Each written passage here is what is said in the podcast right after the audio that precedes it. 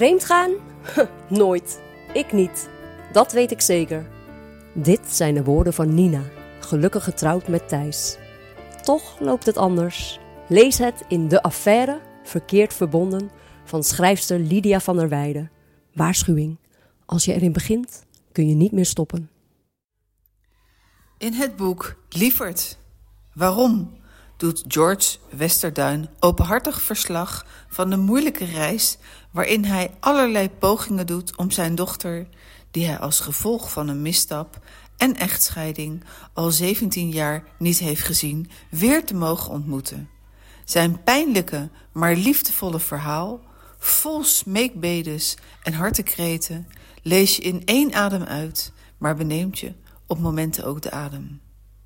Het is herkenbaar voor al die mensen die te maken hebben met ouderverstoting. Een groot maatschappelijk probleem.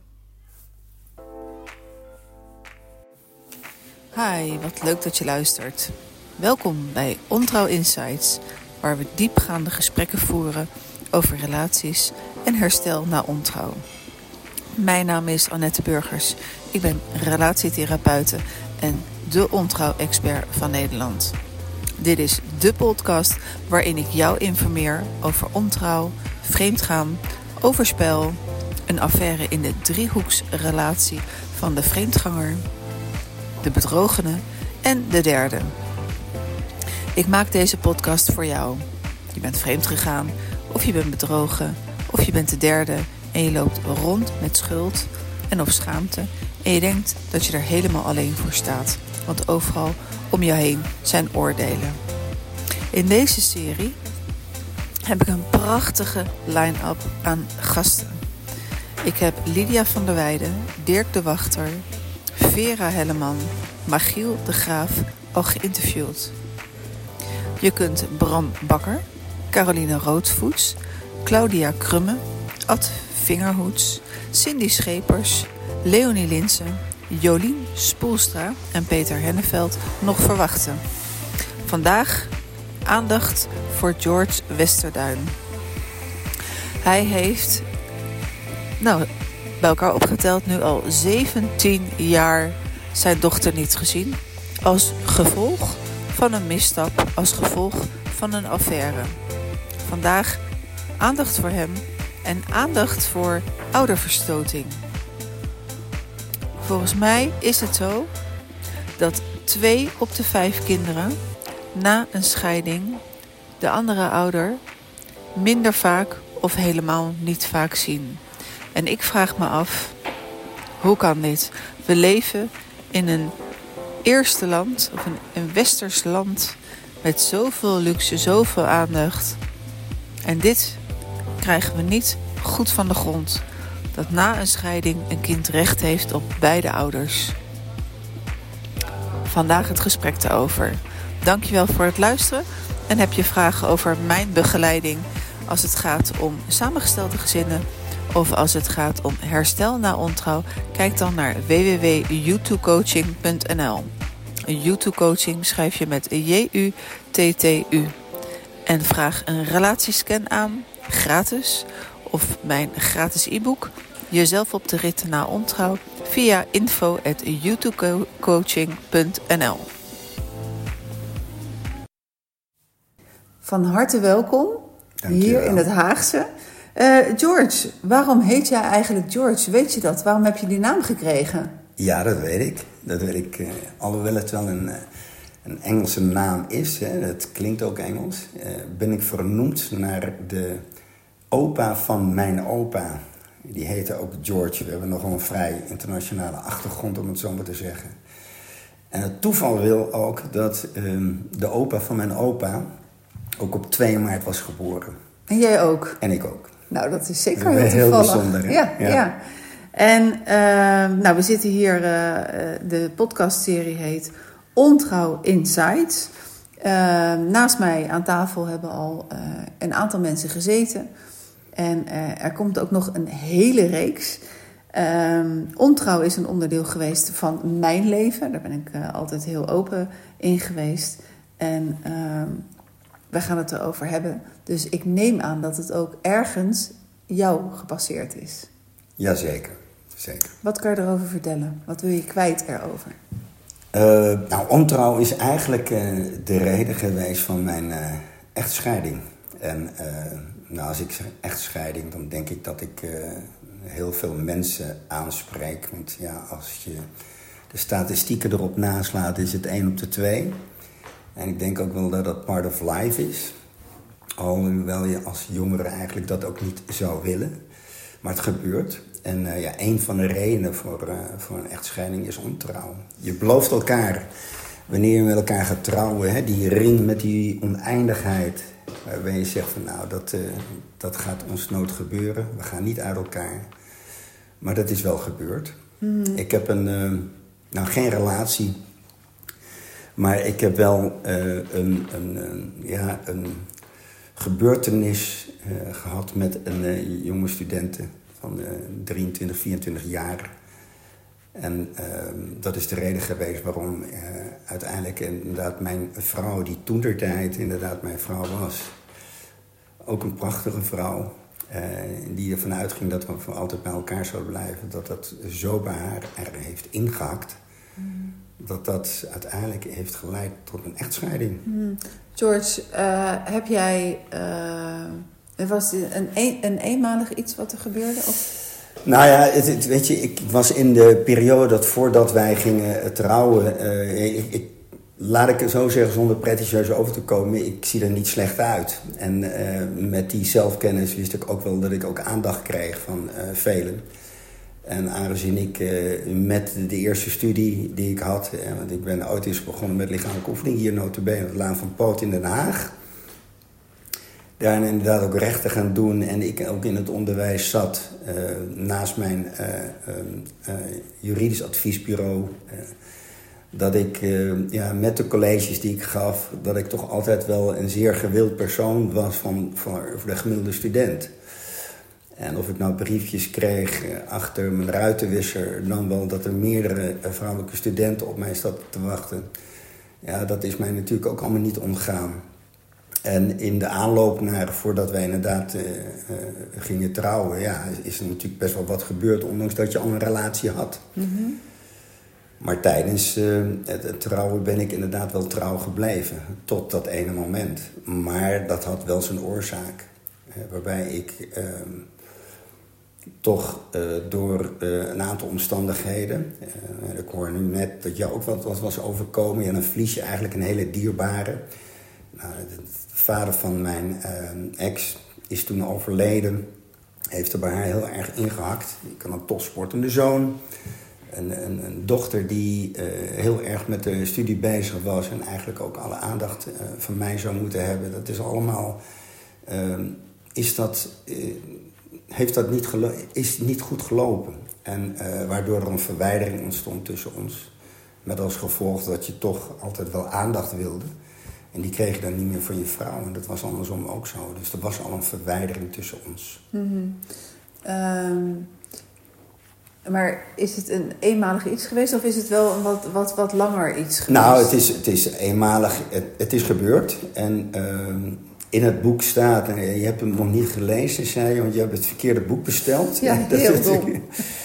Daarin beschrijf ik heel erg open dat ik uh, een aandacht kreeg van een student Um, waarbij ik nadat er uh, een x aantal keren wat, wat was gebeurd, dat er, uh, nou ja, ik beschrijf inderdaad ook in mijn eerste boek dat ik uh, ja, door haar werd benaderd op een wijze waarvan je zegt, wauw, daar kan een man toch niet echt tegen op het moment dat je ergens onder de douche staat en je komt, komt een blote vrouw, die komt dan in de douche naast je staan. Ja, dan moet je wel heel, van een hele sterke wil zijn mm-hmm. om dat uh, te kunnen negeren. Nou, dat is dus gebeurd. En na die ene keer dacht ik, wauw, wacht even, wat heb ik gedaan? En uh, nou, toen had ik mijn kleine kinderen al. En uh, meerdere malen dat ik het eigenlijk niet wilde, heeft ze mij wel benaderd. En iedereen die de film uh, Fatal Attraction heeft uh, gezien, gezien ooit. Hm. die weet ook wat ik daarmee bedoel. Dat het uiteindelijk inderdaad uh, tot een ongelooflijke ja, achterna lopen is van een, man naar van, van een vrouw naar een man toe. Met alle gevolgen van dien. Dus ja, dat, dat was best wel heel heftig. Hm. En eh, heb jij het toen aan jouw eh, toenmalige vrouw verteld of is ze erachter gekomen? Nee, het is, ik, ik, ik heb dat niet uh, verteld, omdat ik, en dat schrijf ik ook in, in mijn boek, dat ik uh, het voor me wilde houden omdat ik niet wilde dat het uh, ja, haar schade toe zou brengen. Want ja, ze zat zelf al een beetje in een rouwproces. haar vader die dan inderdaad was overleden. En nou, de dingen die we moesten regelen. Ik voelde me natuurlijk ontzettend schuldig. En dan komt dat esje van schuld komt dan om de hoek kijken. En ik van, nou nee, weet je wat niet weet, wat niet deert.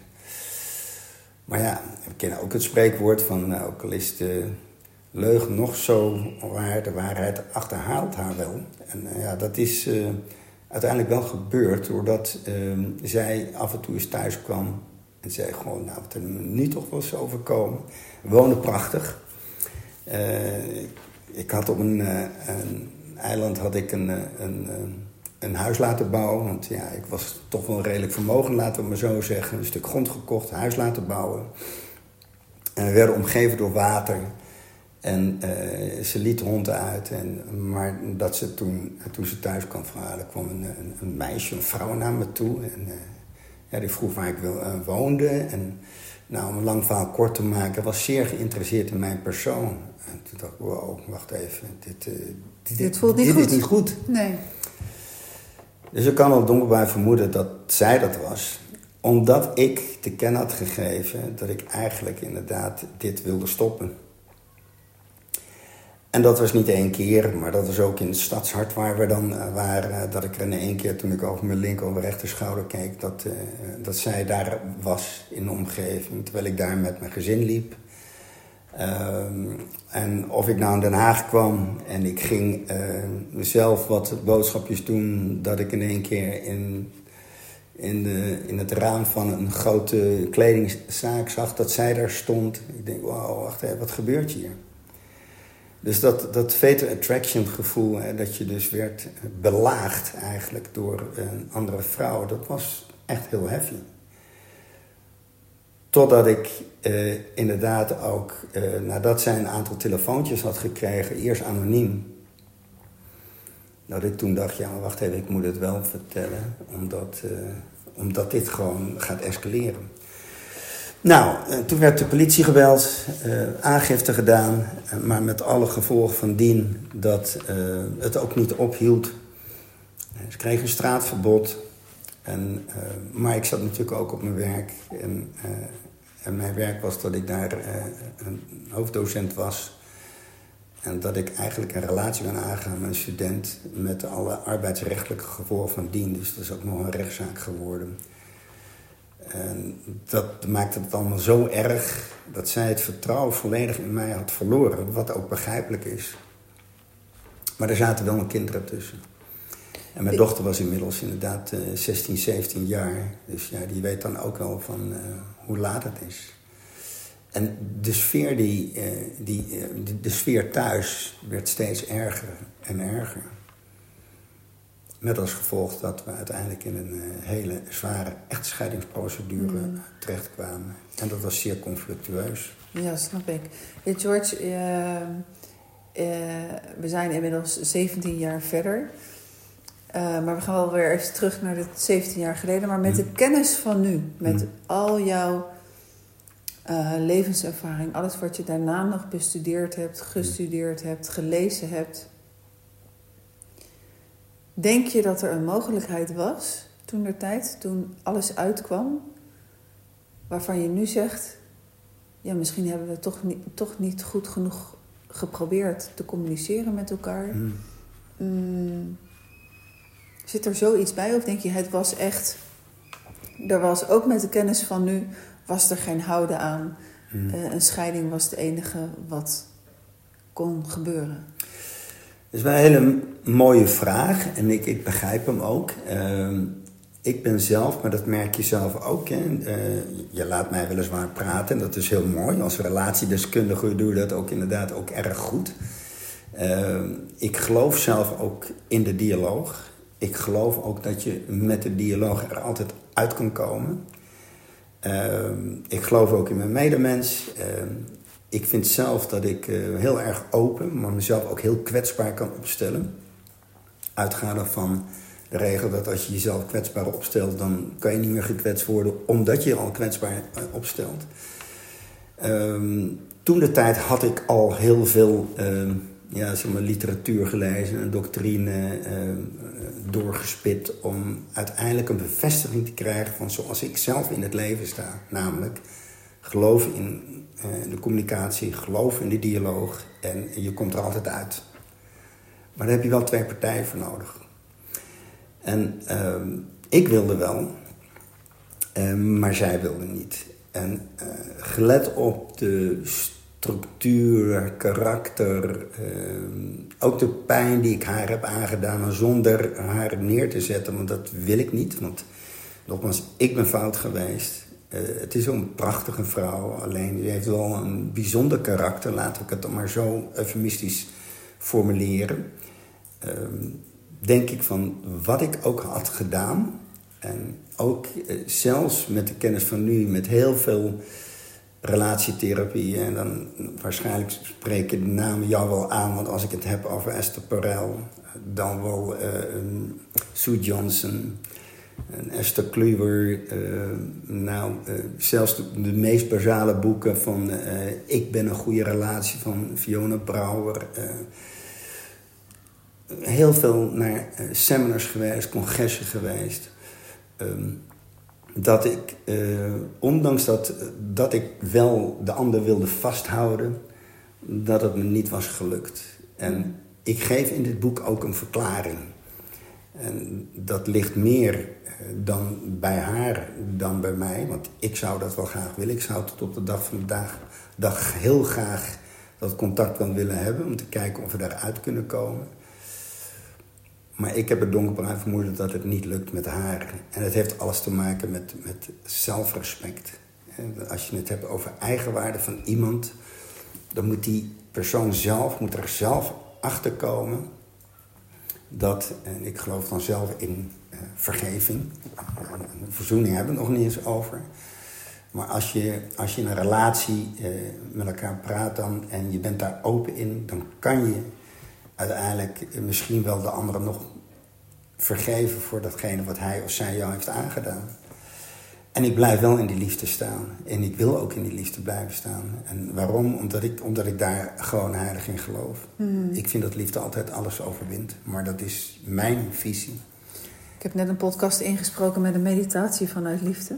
Okay. Dus dat is ook iets wat ik vind. En uh, kijk, ik snap in het begin, dan komt iemand uh, in zijn reptiele brein terecht. Mm.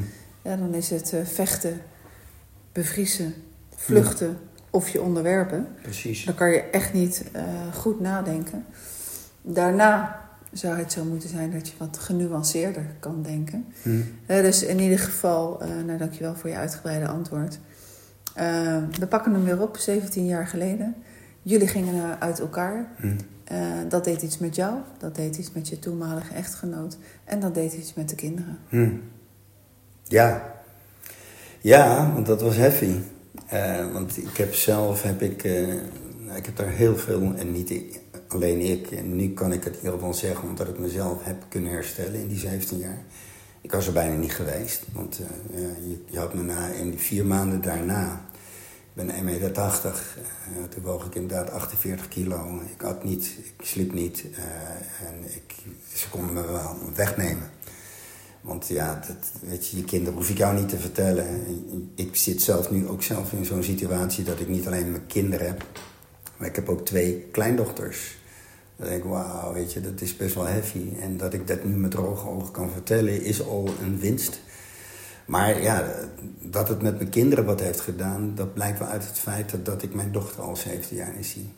En nogmaals, mijn dochter is. Uh, maar heeft dat met intelligentie te maken? Dat is ook de reden waarom ik mijn tweede boek heb geschreven, Weg van Ware Liefde.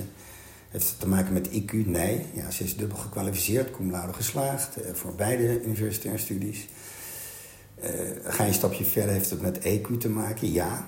En ik zeg dan zelf, en dat leg ik dan in mijn tweede boek uit, dat is, dat is het SQ-gedeelte waarbij EQ en EQ, IQ bij elkaar komen.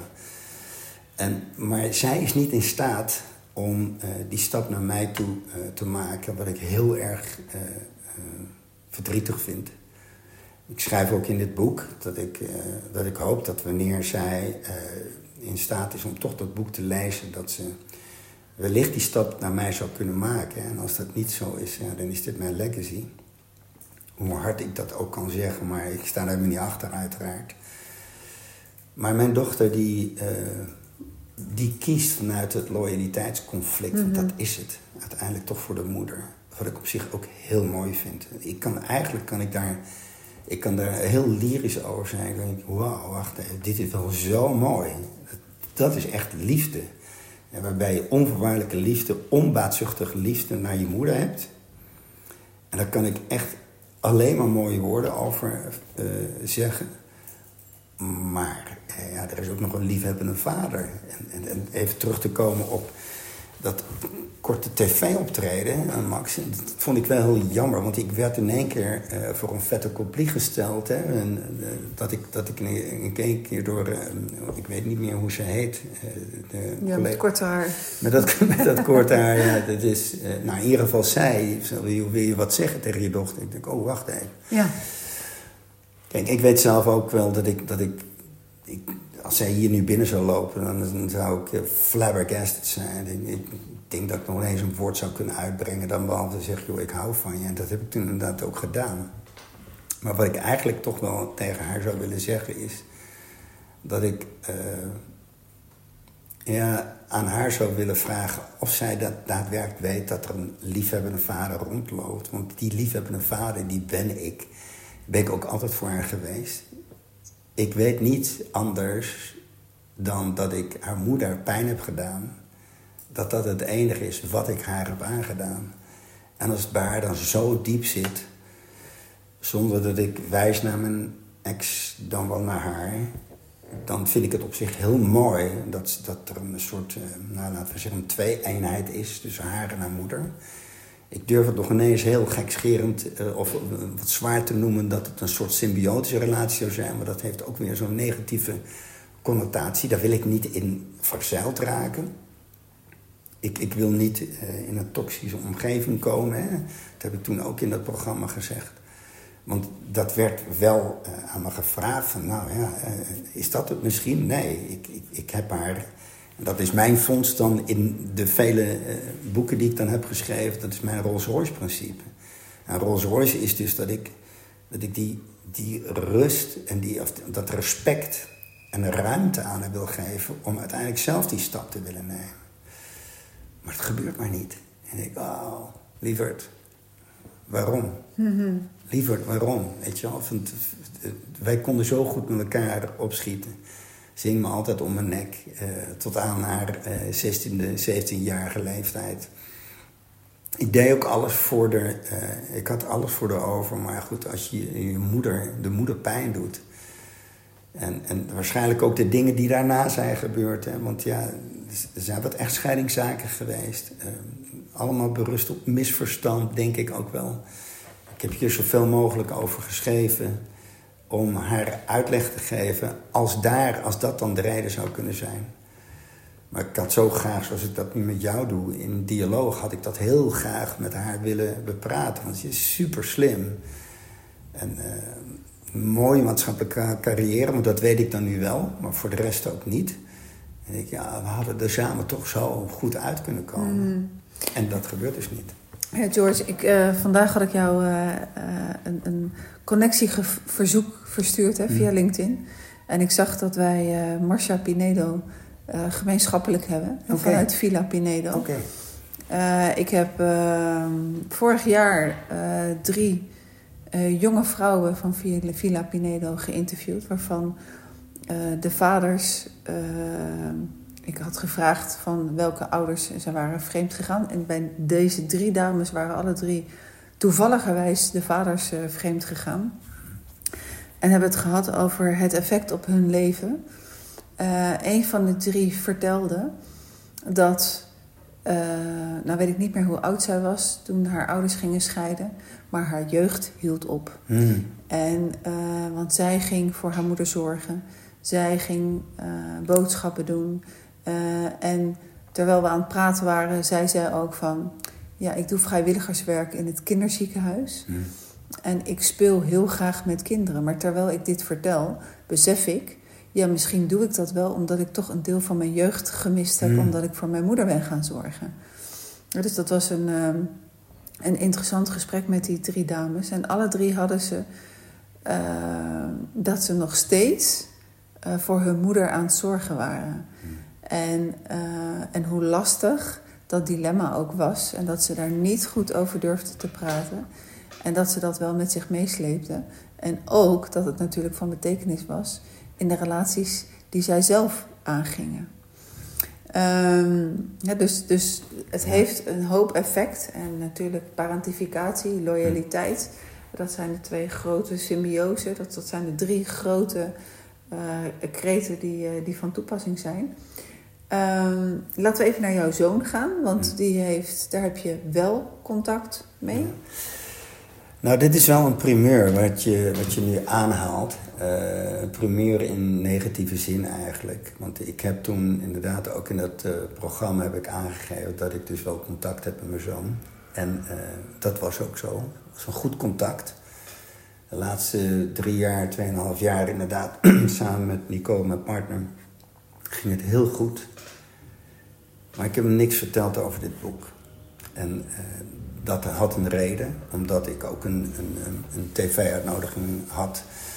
En dat is op het laatste moment is dat niet doorgegaan door eh, ja, toch interventie van, van, van hem. Eh, ook weer vanwege de onvoorwaardelijke liefde naar zijn moeder toe. Maar ik kon niet het risico nemen dat... Ik heb hier heel mijn ziel en zaligheid ingestopt. En gelet op de tsunami van reacties die ik heb gekregen tot op de dag van vandaag... want ik ben nog niet klaar met het beantwoorden van alle mails die ik heb... eh, heb ik hier geen spijt van. Want ik wil mensen helpen. Dat is mijn taak. En wat er nu met mijn zoon is gebeurd, is dat het moment dat dit... Want ja, hij zit natuurlijk ook eh, op Instagram en eh, hij leest natuurlijk ook wel wat. Dat na de boekpresentatie, dat ik toen een telefoontje van hem kreeg. En zeg, wat heb je nou gedaan? Nou, toen heb ik verteld, geprobeerd te vertellen van ja, eh, ik, ik heb je dat niet willen vertellen... omdat ik ten eerste jou niet wilde lastigvallen, dat is één. Maar het tweede is ook dat ik hier zo naartoe heb geleefd, ook samen met Nico... dat, eh, dat dit heel goed gelanceerd moest gaan worden.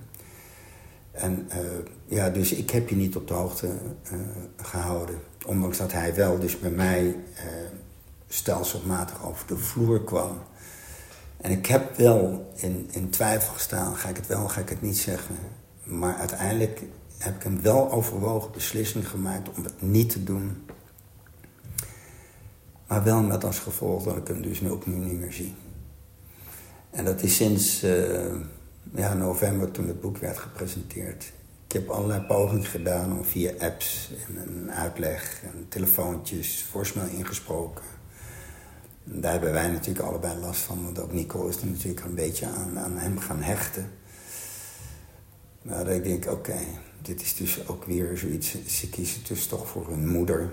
En, eh, maar ik noem hem ook niet bij naam, maar wel anoniem, omdat ik eh, wat eh, correspondentie, die eigenlijk toch ook wel tussen ons was, heb ik dat moeten noemen in het kader van om mijn dochter te kunnen ontmoeten. Kijk, de correspondentie die ik met Frank van der Linden heb gevoerd. eh, Je Frank is ooit geïnterviewd, ja. ja, nou, Frank is, is, die heeft hier toestemming voor gegeven. Sterker nog, hij heeft ook in de boekpresentatie heeft hij ook nog wat kunnen doen. Staat hier ook volledig achter. Daar heb ik eh, mij zijn toestemming voor gevraagd. En eh, ja, dat had ik misschien ook met mijn zoon moeten doen, maar ik wilde het risico niet lopen. Dus ja, ik, ik zie hem niet meer. En dat ik in staat ben om dit nu te vertellen zonder dat ik inderdaad ook weer eh, emotioneel word, dan, eh, dan, nou ja, dat ben ik natuurlijk wel. Maar ik heb hier wel veel verdriet van. Ja, Ja, snap Ja. ik. ja. Dus eh, helaas, tot mijn grote spijt, en hoe lang ik dit ga volhouden, weet ik niet. Maar ja, ik probeer natuurlijk van alles te bedenken. Of ik hem wel nog zou kunnen en mogen ontmoeten. En ik hoop bij hem, want het is ook, ook hij is een slimme jongen. CEO van een eh, eigen start-up. eh, 35 man onder zich, werkt internationaal, eh, gaat heel de wereld over. Ik heb ook in het boek heb ik ook aangegeven dat het alleen maar liefde is naar hem toe. Ik noem ook niks kwaads over zijn, zijn moeder. Uh, vind ik ook niet terecht, want waarom zou je vanuit een warm nest, wat het toen de tijd was, negatieve dingen zeggen? Dat, dat geeft geen pas. In plaats van de liefde naar zijn moeder is er nu respect gekomen. En uh, ook haar geef ik ook mijn Rolls Royce principe van nou, respecteer, probeer me te respecteren en, en, en ik geef je de ruimte. Maar ik denk niet dat ze in staat is om die stap naar mij te nemen, wat ik heel erg betreur. Uh, maar dat hoop ik wel voor mijn kinderen. En mijn zoon was wel goed op weg. En ik denk nou, je had het over de verantwoordelijkheid die kinderen van, van Marcia. Uh, dat, is, een logisch gevolg waarbij zij de verantwoordelijkheid nemen voor de achterblijvende ouder. Dat heeft hij ook gedaan. Hij was veertien toen hij eh, van alles deed voor zijn moeder, wat op zich ook heel mooi was. Maar daardoor heeft hij wel, eh, vind ik persoonlijk, een stuk van zijn jeugd heeft hij eh, prijs moeten geven. En dat vind ik heel jammer. Inmiddels is hij 31. En uh, ja, ik heb, en nu heb ik er heel veel verdriet van, ja. Ja. Ja, en dat is heel jammer. Het is, en dat is nog uh, vrij zacht uitgedrukt. Ja, zeker. Ik, uh, ik verwonder me, het fascineert me, het irriteert me, het frustreert me... dat we in een land als Nederland zo ontzettend veel te maken hebben met ouderverstoting. Hmm. Want daar hebben we het dan ook over, zeker ten aanzien van je dochter. Uh, ik werk uh, het grootste gedeelte met koppels, als er ontrouw in het spel is. Ik werk met samengestelde gezinnen, ook met de koppels. Af en toe uh, individuele trajecten met mensen die uh, leiderschap in zichzelf zoeken van oké, welke keuzes ga ik maken met betrekking tot een andere liefde of de derde zijn. En af en toe melden zich mannen want zo zijn de cijfers natuurlijk ook. Er worden ook vrouwen verstoten. Hmm. Uh, maar meestal gaat, be, betreft het mannen. En dan kloppen ze aan om ergens te kijken van waar kan ik hulp vinden in dit traject. Hmm. En dat zijn er niet vele die bij mij aankloppen. Het is natuurlijk ook mijn expertise niet. Maar ik verwijs ze wel door naar andere mannen die in hetzelfde schuitje zitten. Ehm, die ik dan wel uh, ergens uh, ontmoet heb. En iedereen vindt op zijn eigen manier toch weer de, de moed om elke dag op te staan. En hoe doe jij dat? Nou, weet je, ik, heb die, uh, noem het maar, aha-erlevenis gehad. Uh, dat, maar dat was jaren daarna. Ik heb natuurlijk ook allerlei trajecten doorlopen. Eh, van uh, beginnend bij Humanitas, uh, bij mensen die gedragsdeskundigen waren vanuit hun, het métier wat ze hadden, vanuit vriendenkring. Ik had een hele goede vriend, een neuroloog, die inderdaad ook dit enigszins bagatelliseerde door te zeggen: joh, George, geef het een jaar en dat komt wel goed. Komt wel goed, ja. Terwijl ik van tevoren wist: dit, dit gaat niet goed komen. Mijn ex-kennende, en nogmaals zonder haar de schuld daarin te geven. Ehm, ik weet wel dat, dat, weet je, er is een verschil, maar dat weet jij waarschijnlijk ook, dat weet ik bijna zeker. Er is een verschil tussen binding en uh, dus gebondenheid en verbinding. Ik noem het altijd maar de drie beetjes en de drie veetjes. Eh, je hebt, je hebt binding, uh, blokkade en, en, en nou ja, van die binding is dat je dus verbitterd raakt, dus bitterheid. Eh, dan, dan kom je in een, in een cyclus terecht waar je niet uitkomt. De enige manier waarop je eruit kan komen is uh, dat je in verbinding gaat met iemand door in een relatie, dan een dialoog, dat je daarover gaat communiceren. En als je dan in verbinding raakt, maar dat is natuurlijk ook het verhaal van, van een uh, Sue Johnson, van Hou Me of een Esther Perel, die inderdaad ook een stuk betekenis wil geven aan de inhoud van in een relatie dat je dan, wanneer je in verbinding raakt met iemand, dat dan daadwerkelijk ook eh, eh, door de gesprekken die je voert met elkaar, eh, toch een, een, een, ja, een verbondenheid krijgt, waardoor je eigenlijk een beetje vrij wordt van de lasten die je dan, als je dan bij jezelf blijft cirkelen, dat je die dan aan de anderen kan geven. Nou, en als je die vrijheid hebt, dan ben je ook in staat tot vergeving. Dus ook weer die vijf. En dan, dan, dan kom je er. Maar zolang je eh, die liefde, want daar hebben we het dan over, die liefde eh, niet toelaat en je, je blijft maar in haat en brok zitten, nou, dan, dan, dan kom je er niet. Nou, wat er bij mij is gebeurd, is dat ik me, mezelf heb ontwikkeld.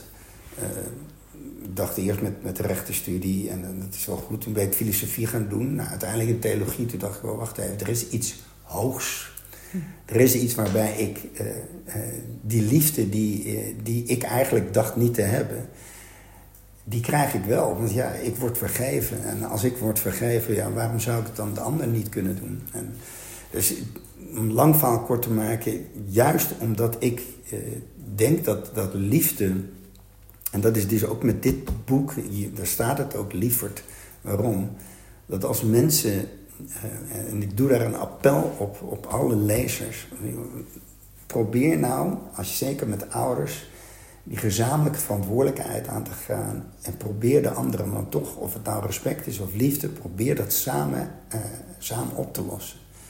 En als, als je dat niet lukt, maar probeer dan toch ook wel in die liefde te blijven staan. En geef de anderen eh, de ander de ruimte. Nou, dan kom ik natuurlijk al... Dat is mijn doctrine, hè? dus je moet mij niet kwalijk nemen als ik met literatuur kom. Denk ik van, oh, maar je pakt altijd met de studies die je doet... pak je altijd de mooie dingen eruit.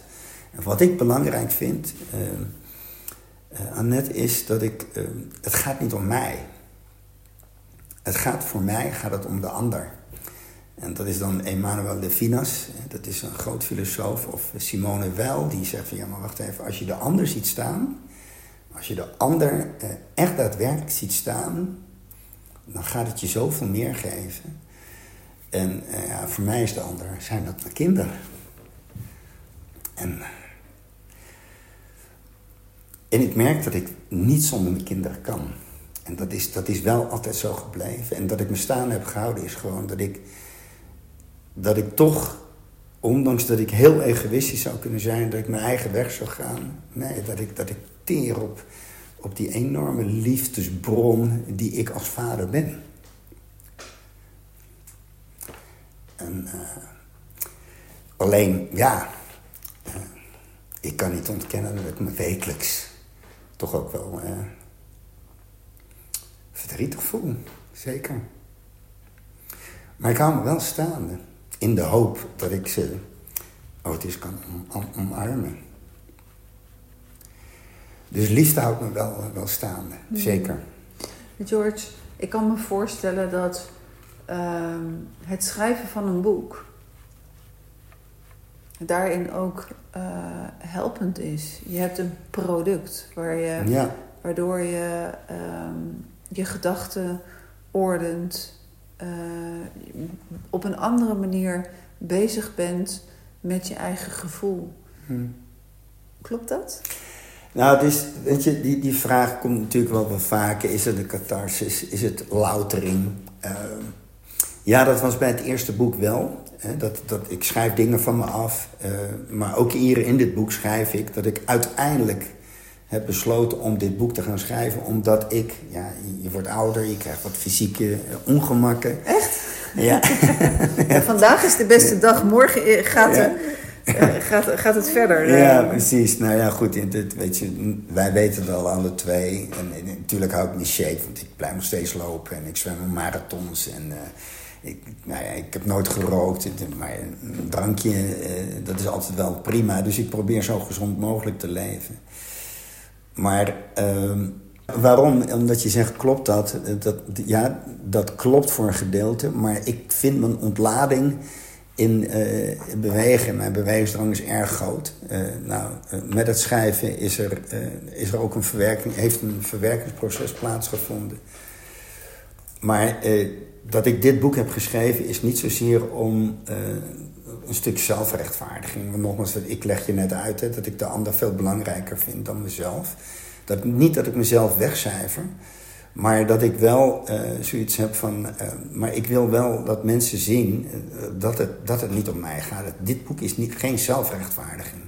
Het is ook niet om mezelf te louteren, want ik heb wel andere bezigheden waardoor ik mezelf lekker voel. Want ja, als ik, maar dat weet Nico ook, als ze dreigt, als ze ziet dat er een, een huilbui dreigt, ja, dat kan ik niet tegenhouden. Dat, is, dat heb ik niet onder controle. Dan doe ik snel mijn sportkleding aan, heb, dan ga ik naar buiten toe. Dan wil ik eigenlijk dat niemand me ziet.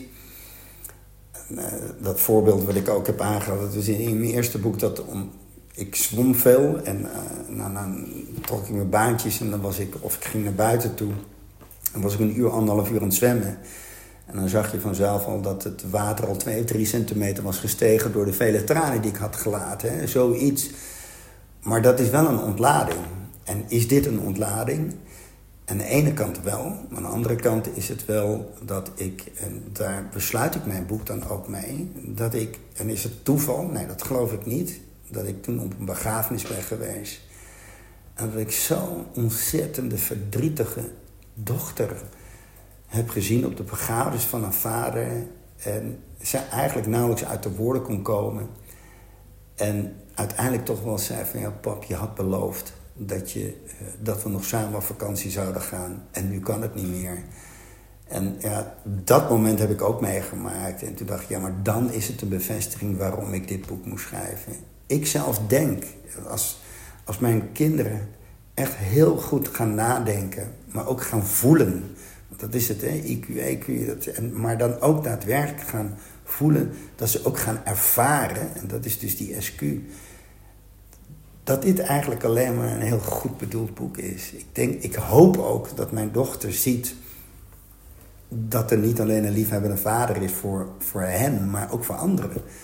En nou ja, zo word ik ook wel gezien. En, maar ik, ik, ik wil dat ook. En ik wil, ik wil ze ook graag helpen. Alleen ik krijg niet de kans. Dus heeft het me geholpen? Gedeeltelijk ja. Maar nu is het af. En nu heb ik dat er weer bovenop gekregen van mijn zoon. En denk ik, wauw, is, is het dat allemaal waard? Nou, ik, ik, denk wel met de plannen die we nu hebben. En er zijn grootse plannen. Omdat ik, ik wil een taboe doorbreken. Net zoals jij dat ook hebt met jou, met jij ik wil gewoon dat als je ergens op een receptie komt te staan en dat iemand uh, over, naar je toe loopt en zegt: Joh, hoe is het nou met jouw kinderen? Dat hij al een plein publiek zou kunnen zeggen: Nou, joh, ik zit in uh, Pas. Oh, oh, is dat het? Nou, uh, en dat je erover kan praten. Er zijn zoveel mensen die, die dit wegstoppen, zich ook daarvoor schamen. dat is een van de vijf S'jes. Schuld, schaamte, schande, schade en uh, nou, spijt. Nee, dat, dat, dat, dat hoef je niet. Natuurlijk kan je spijt hebben, maar eh, moet je je schulden voelen? Uh, ja, dat kan, maar dat is maar tijdelijk. Maar praat erover. Heb het er elkaar over. En voornamelijk, ze hebben elkaar lief. Mm -hmm. Want als je elkaar lief hebt, dan, dan, dan kom je ook tot elkaar. Jij zegt uh, grootste plannen. Uh, ja. Kan je een tipje van de sluier oplichten? Nou, het, het, uh, ja, morgen heb ik dan weer een, zeg maar een soort interview, maar ik mag daar inhoudelijk mag ik daar nog niks over zeggen. Maar er zijn wel grootste plannen om dit. Uh, ik zelf ben van mening dat het geen nationaal probleem is. Want ja, er is een expertteam van, vanuit de regering, waar ze Kees van Leuven, een grote familierechte naam. Uh, contact gehad met de Universiteit van, van, van Utrecht. Wendy Schama, die inderdaad ook ik heb gecontact. Uh, maar een Pinedo ben ik natuurlijk gaan, het Verloren Kind, nou, allerlei verschillende stichtingen uh, waar ik al contacten mee heb. Maar ja, we hebben een heel groot plan om, om het bespreekbaar te maken, maar ook uh, dat mensen gaan zien, ja maar wacht even, het kan ook anders. Maar het belangrijkste is het appel op, op de lezer zelf maar ook van de mensen die het niet meemaken, waarbij ze zeggen, oh, en ze gaan het bagatelliseren, de Sibrands, om het zo maar te zeggen. Die dan denken dat het, uh, dat het zomaar opgelost kan worden, maar dat is het niet. Mm. Dat weet jij als geen ander. Ik heb uh, Steven Pont ook ooit uh, geïnterviewd. Mm. En um, we hebben het gehad over scheidingen, want dat was een serie gescheiden en wat nu. En toen hadden we het erover dat uh, het heel noodzakelijk is om een critical friend te hebben. Hmm. omdat ja, we hebben allemaal onze vriendschappen. maar om echt goede feedback te geven in een vriendschap dat hebben we niet allemaal uh, geleerd. Dat is best pittig om te doen. Hmm. om uh, het gesprek ook aan te gaan met als er in jouw omgeving een scheiding is.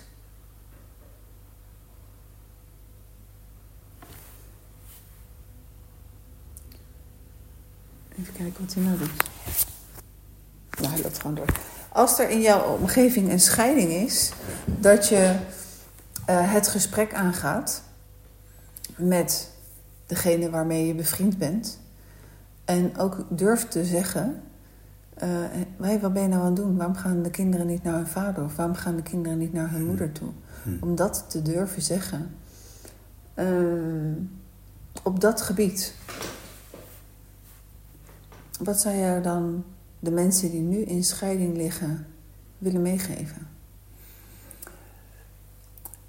Mensen die nu in scheiding uh, zitten, en dat schrijf ik ook in mijn epiloog, uh, is dat de manier waarop ik het heb gedaan, dat ze daar niet in terecht moeten komen. Want ik kan volmondig kan ik zeggen dat ik het onjuist uh, heb aangepakt. Uh, en dan kan je je gelijk de volgende vraag zeggen, maar ben je dan te liefdevol geweest? Ja, ik weet dat ik de liefde niet kan afdwingen. Ik heb mijn principe uitgelegd, Rolls Royce, respect en ruimte. Die ruimte is heel erg opgerekt. Respect blijft. Maar respect, respecteren elkaar wel, dat is wel wat ik zo, zo meegeef. Een mens die in een echtscheiding zit, dat is, dat is mijn appel op uh, die groep. Dat mensen... Uh, een gezamenlijke verantwoordelijkheid hebben. Het gevoel van gezamenlijk verantwoordelijk te zijn voor iets moois wat je op de wereld hebt gebracht. Wat uit liefde gemaakt is? En dat is vanuit liefde inderdaad gekomen. Het, is, het kind behoeft ook die liefdesbron. En ik weet ook vanuit de doctrine dat het kind altijd goed zal beseffen dat ze zowel een vader als een moeder hebben. En als je dat als ouder beseft, hè, dat je en die, gezamenlijke verantwoordelijkheid hebt, dat je probeert, in ieder geval probeert om toch, ondanks haat, wrokgevoelens, rancune, om dat eh, terzijde te leggen, puur alleen maar als wanneer je naar je kind kijkt, maar wacht eens even, dit is, dit is uit liefde gemaakt, hè, wat je zelf ook zegt. Laten we kijken hoe we dat, dat het beste kunnen aanpakken.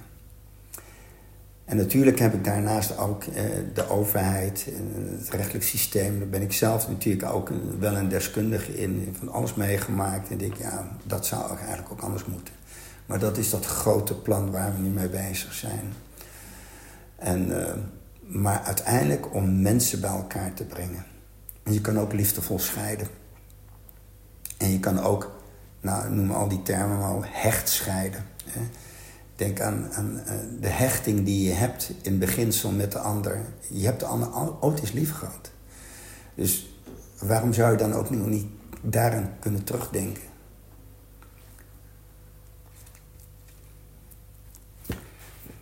Dus ja, dat. Een ander boek, denk je dat dat er ooit nog van komt? Mm, ik weet niet of ik daartoe in staat ben. Dus... Uh, Wat ik verlang is dat ik, dat ik sowieso wel mijn kinderen zou kunnen zien. Mm. Voordat het te laat is. En uh, ik gun het de mensen zo, weet je Mensen moeten niet in een loopgave-oorlog komen te zitten.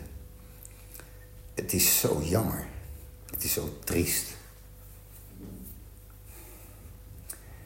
En dat is wat ik mensen zou willen meegeven, jongens. Van, oh, ga ervoor, weet je wel. Help elkaar. Ja, heb elkaar lief. Ook al is het moeilijk. Het is zo makkelijk gezegd, dat weet ik. Maar oh, verdiep je in de ander. En er is al zoveel ellende, weet je En dan denk ik, jeetje. daar begint het mee. Mhm. De samenleving, eh, dat zegt het woord al, zelf al, je leeft toch samen? Dus ga ervoor, weet je, zou ik zeggen. Ja. Ik heb het in, eh, wat ik net zei, die eh, meditatie ingesproken van eh, het leven vanuit liefde, hè, waar, jij, waar jij het ook over hebt. Het is al heel simpel om je voor te stellen als je kookt. En je kookt met liefde. Je, kookt met, je doet je boodschappen al Ja. met liefde voor het gerecht wat je gaat maken. Dan smaakt het gerecht echt absoluut anders dan Mm. dat je gehaast kookt. Ja, Je, je doet 1, 2, 3 die boodschappen in de supermarkt. En je knalt het in je karretje en je knalt het in de pan. Nou ja, dan ben ik niet in staat om iets lekkers te maken. Ik moet Mm. echt met rust en met liefde iets, eh, iets koken. Ehm, voor mij, en dat is mijn persoonlijke ding met eh ouderverstoting. Ehm, de vader van mijn kinderen is overleden. ja. En eh, zij waren toen eh 12 en 9. Eh, en het was dus niet mijn keuze om mijn kinderen in mijn eentje op te voeden. En ik heb altijd, altijd dat als er iets is waarvan, waar ik kan zeggen... ehm, een kind heeft behoefte aan de vader en aan de moeder. Als er geen keuze is, dan is er geen keuze. Maar knijp in je handen als er twee ouders zijn. Mm, Ehm, Mooi. eh, omdat ik ervaren heb hoe pittig het is als die er niet is. mm, Eh, maar goed, dat is mijn eigen stokpaardje binnen het onderwerp. mm. Ja, dat ik zoiets heb van, eh, ja, ga voor elkaar. En het kind heeft ook de andere ouder nodig. Ja. Ehm, welke vraag of vragen heb ik je nog niet gesteld? En wil jij graag een antwoord op geven? Ja. Nou, ik, trouwens, een heel mooi gesprek eh, sowieso, Annette. Eh, Dankjewel. Ehm, wat ik ook wel vind in het kader van de samenleving... ik ben wat dat betreft best wel ook wel heel erg modern, om het zo maar te zeggen. Ik, we hebben het nu over een biologische ouder... maar in allerlei vormen waarbij een kind eh, support kan krijgen van eh, beide... Eh, of het nou, dan komen we natuurlijk op de gender discussie. Elke samenleving is mooi. Of je nou twee vrouwen hebt, eh, man, vrouw, dan wel eh, op een andere manier dan ook. Als er enige affiniteit is ontstaan tussen een kind met beide ouders, ontneem het kind dat niet. Eh, Dat is zo ontzettend belangrijk. En we weten allebei vanuit onze pedagogisch-psychologische achtergrond dat juist de eerste vijf jaren, wanneer dat, en dat was bij mij zeker ook het geval. Want ik heb mijn dochter 17 jaar mee mogen maken en mijn zoon 14 jaar. En nu zie ik ze allebei inderdaad dan, eh, nu niet, maar van mijn dochter 17 jaar. Dan weet je ook hoe oud ze is. Dan denk ik, jongen, het is, het, het, het, is zo het ontnemen van zoiets moois. En, eh, maar dat geldt dus ook voor elke samenlevingsvorm. En, eh, dus voor elk, elk partnership, ik zou het zo kunnen eh, noemen, een, een gezamenlijk ouderschap in een, in een, een co-ouderschap, samenwerking tussen partners. Wie de partner ook zou mogen zijn. En ik denk dan bijvoorbeeld ook aan Claudia de Breij. Ik denk, wauw, wat is dat mooi, weet je, als ze dan samen met haar vrouw. En ik heb toen in die uitzending, dan was het ook met eh Barend. En die, die, is ook, eh, die heeft ook een vrouw die ook twee kinderen. Ik denk, oh, hoe mooi is dat? En als we de tijd hadden gehad na eh, de uitzending, dan eh, hadden we zeker nog door kunnen praten. Ook dat, dat vind ik ook heel mooi. Maar ik kan altijd wel een beetje jaloers zijn als ik dan zie van... oh, wacht even, die hebben kinderen en die hebben zelfs kleinkinderen. En ik hoor een prachtige mooie verhalen over kleinkinderen. Ja, dan verlang ik er wel naar. Ja, snap ik. ja. Snap ik. Jij noemt dit stukje.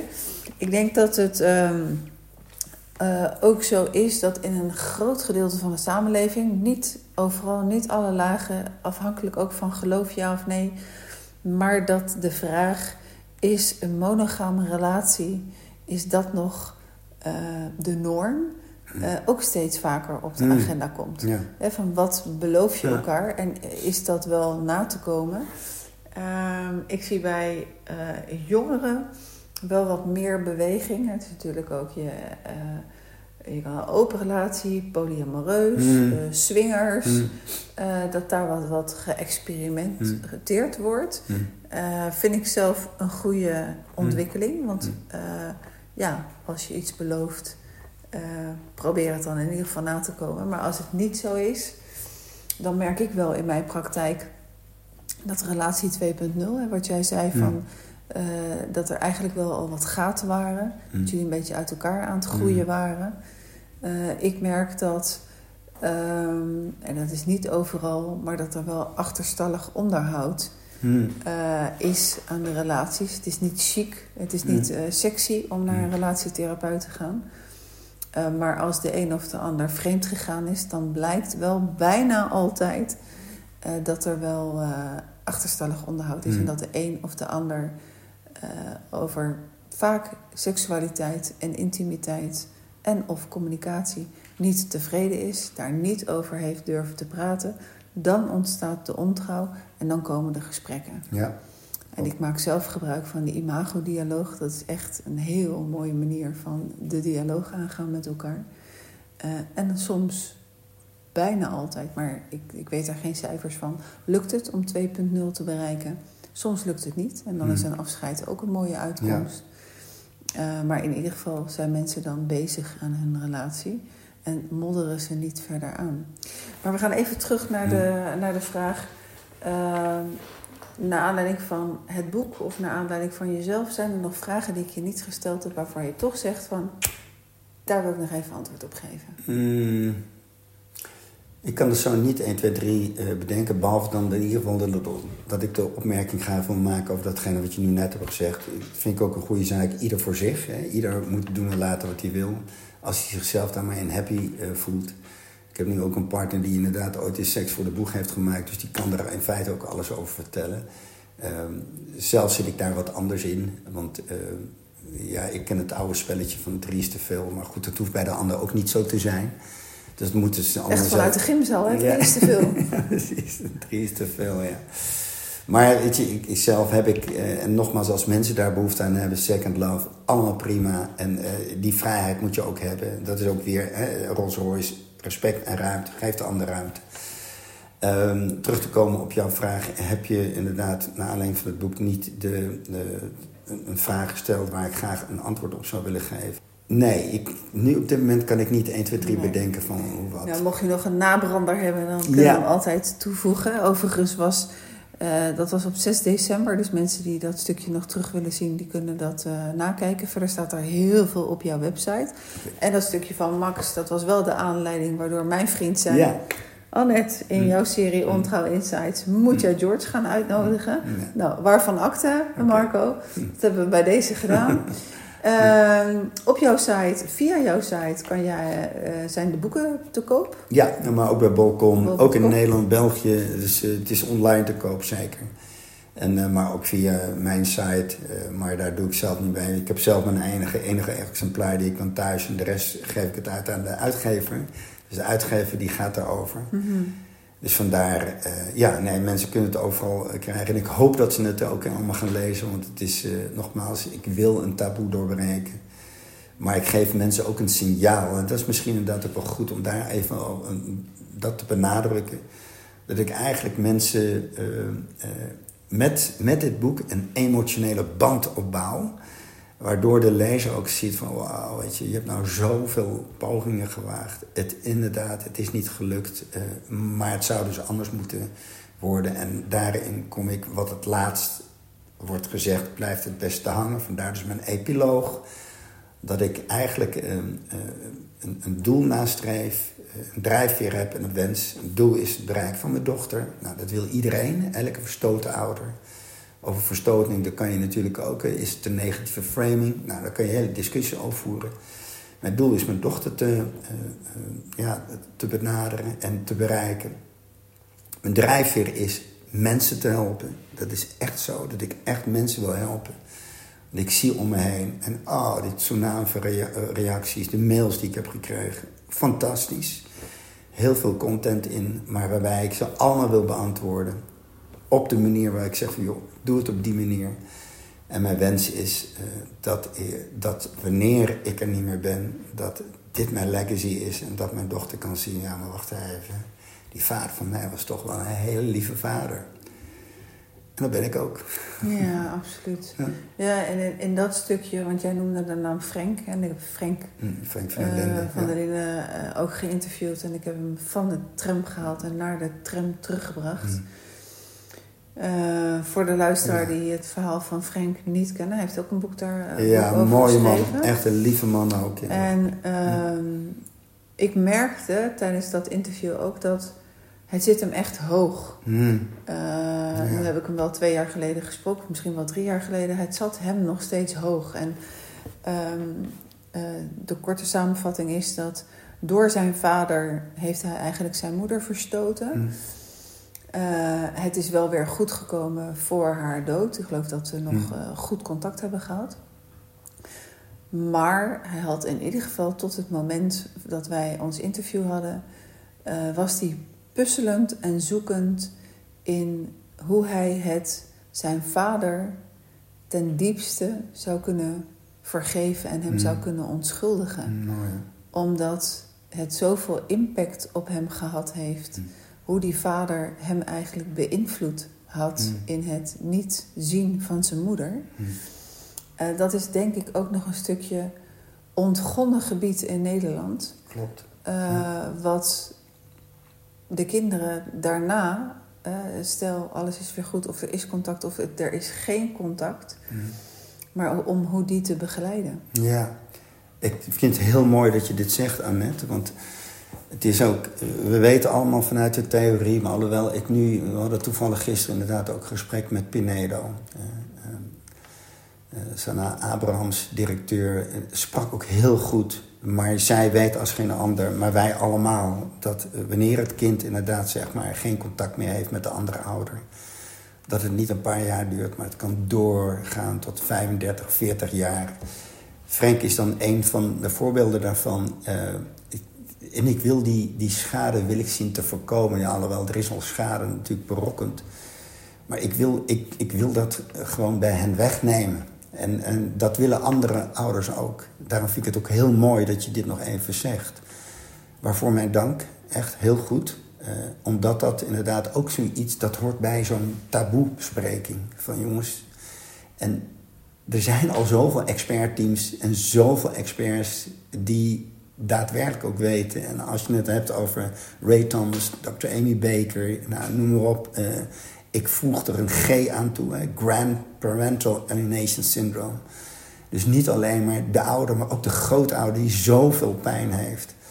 En, en dat werkt naar beide kanten. Laten we het weghalen. En daarom moet dat zichtbaar maken, uh, worden gemaakt. En uh, ja, moet het bespreekbaar worden gemaakt. En we gaan, we gaan eraan werken, zeker. Nou, dat zijn mooie laatste woorden, George. Ja. Dank je wel. Dank je wel voor je verhaal. Dank je wel voor de rit naar Den Haag. Ja, ja, ook hartstikke bedankt voor de hele fijne ontmoeting. Fijn om je te leren kennen. En mooi dat je dit initiatief neemt. Echt super. Nou, dank je wel. En ik wens jou ook alle goeds. Hm. Uh, in alle aspecten. En vooral het gewenste aspect. Nou, zeker. Dank je wel. Oké, okay, graag gedaan. Altijd heb ik binnen de lijntjes gekleurd. Gedaan wat anderen wilden. Wat anderen van mij verwachten. Nu kies ik voor mezelf. Eén keer. Eén keertje maar. Dit is wat Nina uit het boek De Affaire tegen zichzelf zegt wanneer ze verliefd wordt op een andere man. Vreemdgaan, het was iets dat ze altijd sterk veroordeelde. Iets wat zij nooit zou doen. Ben je gek? Ze is toch gelukkig met Thijs? Toch gaat ze de grens over en dat blijkt een point of no return. De affaire van Lydia van der Weijden is een levensecht verhaal over wat het betekent om vreemd te gaan. Het biedt herkenning en inzichten en zet de lezer aan het denken. Wat zou jij doen als je Nina was? Het boek De Affaire, met als ondertitel Verkeerd Verbonden, is voor 15 euro te koop op bol.com. Waarschuwing. Als je erin begint, kun je niet meer stoppen.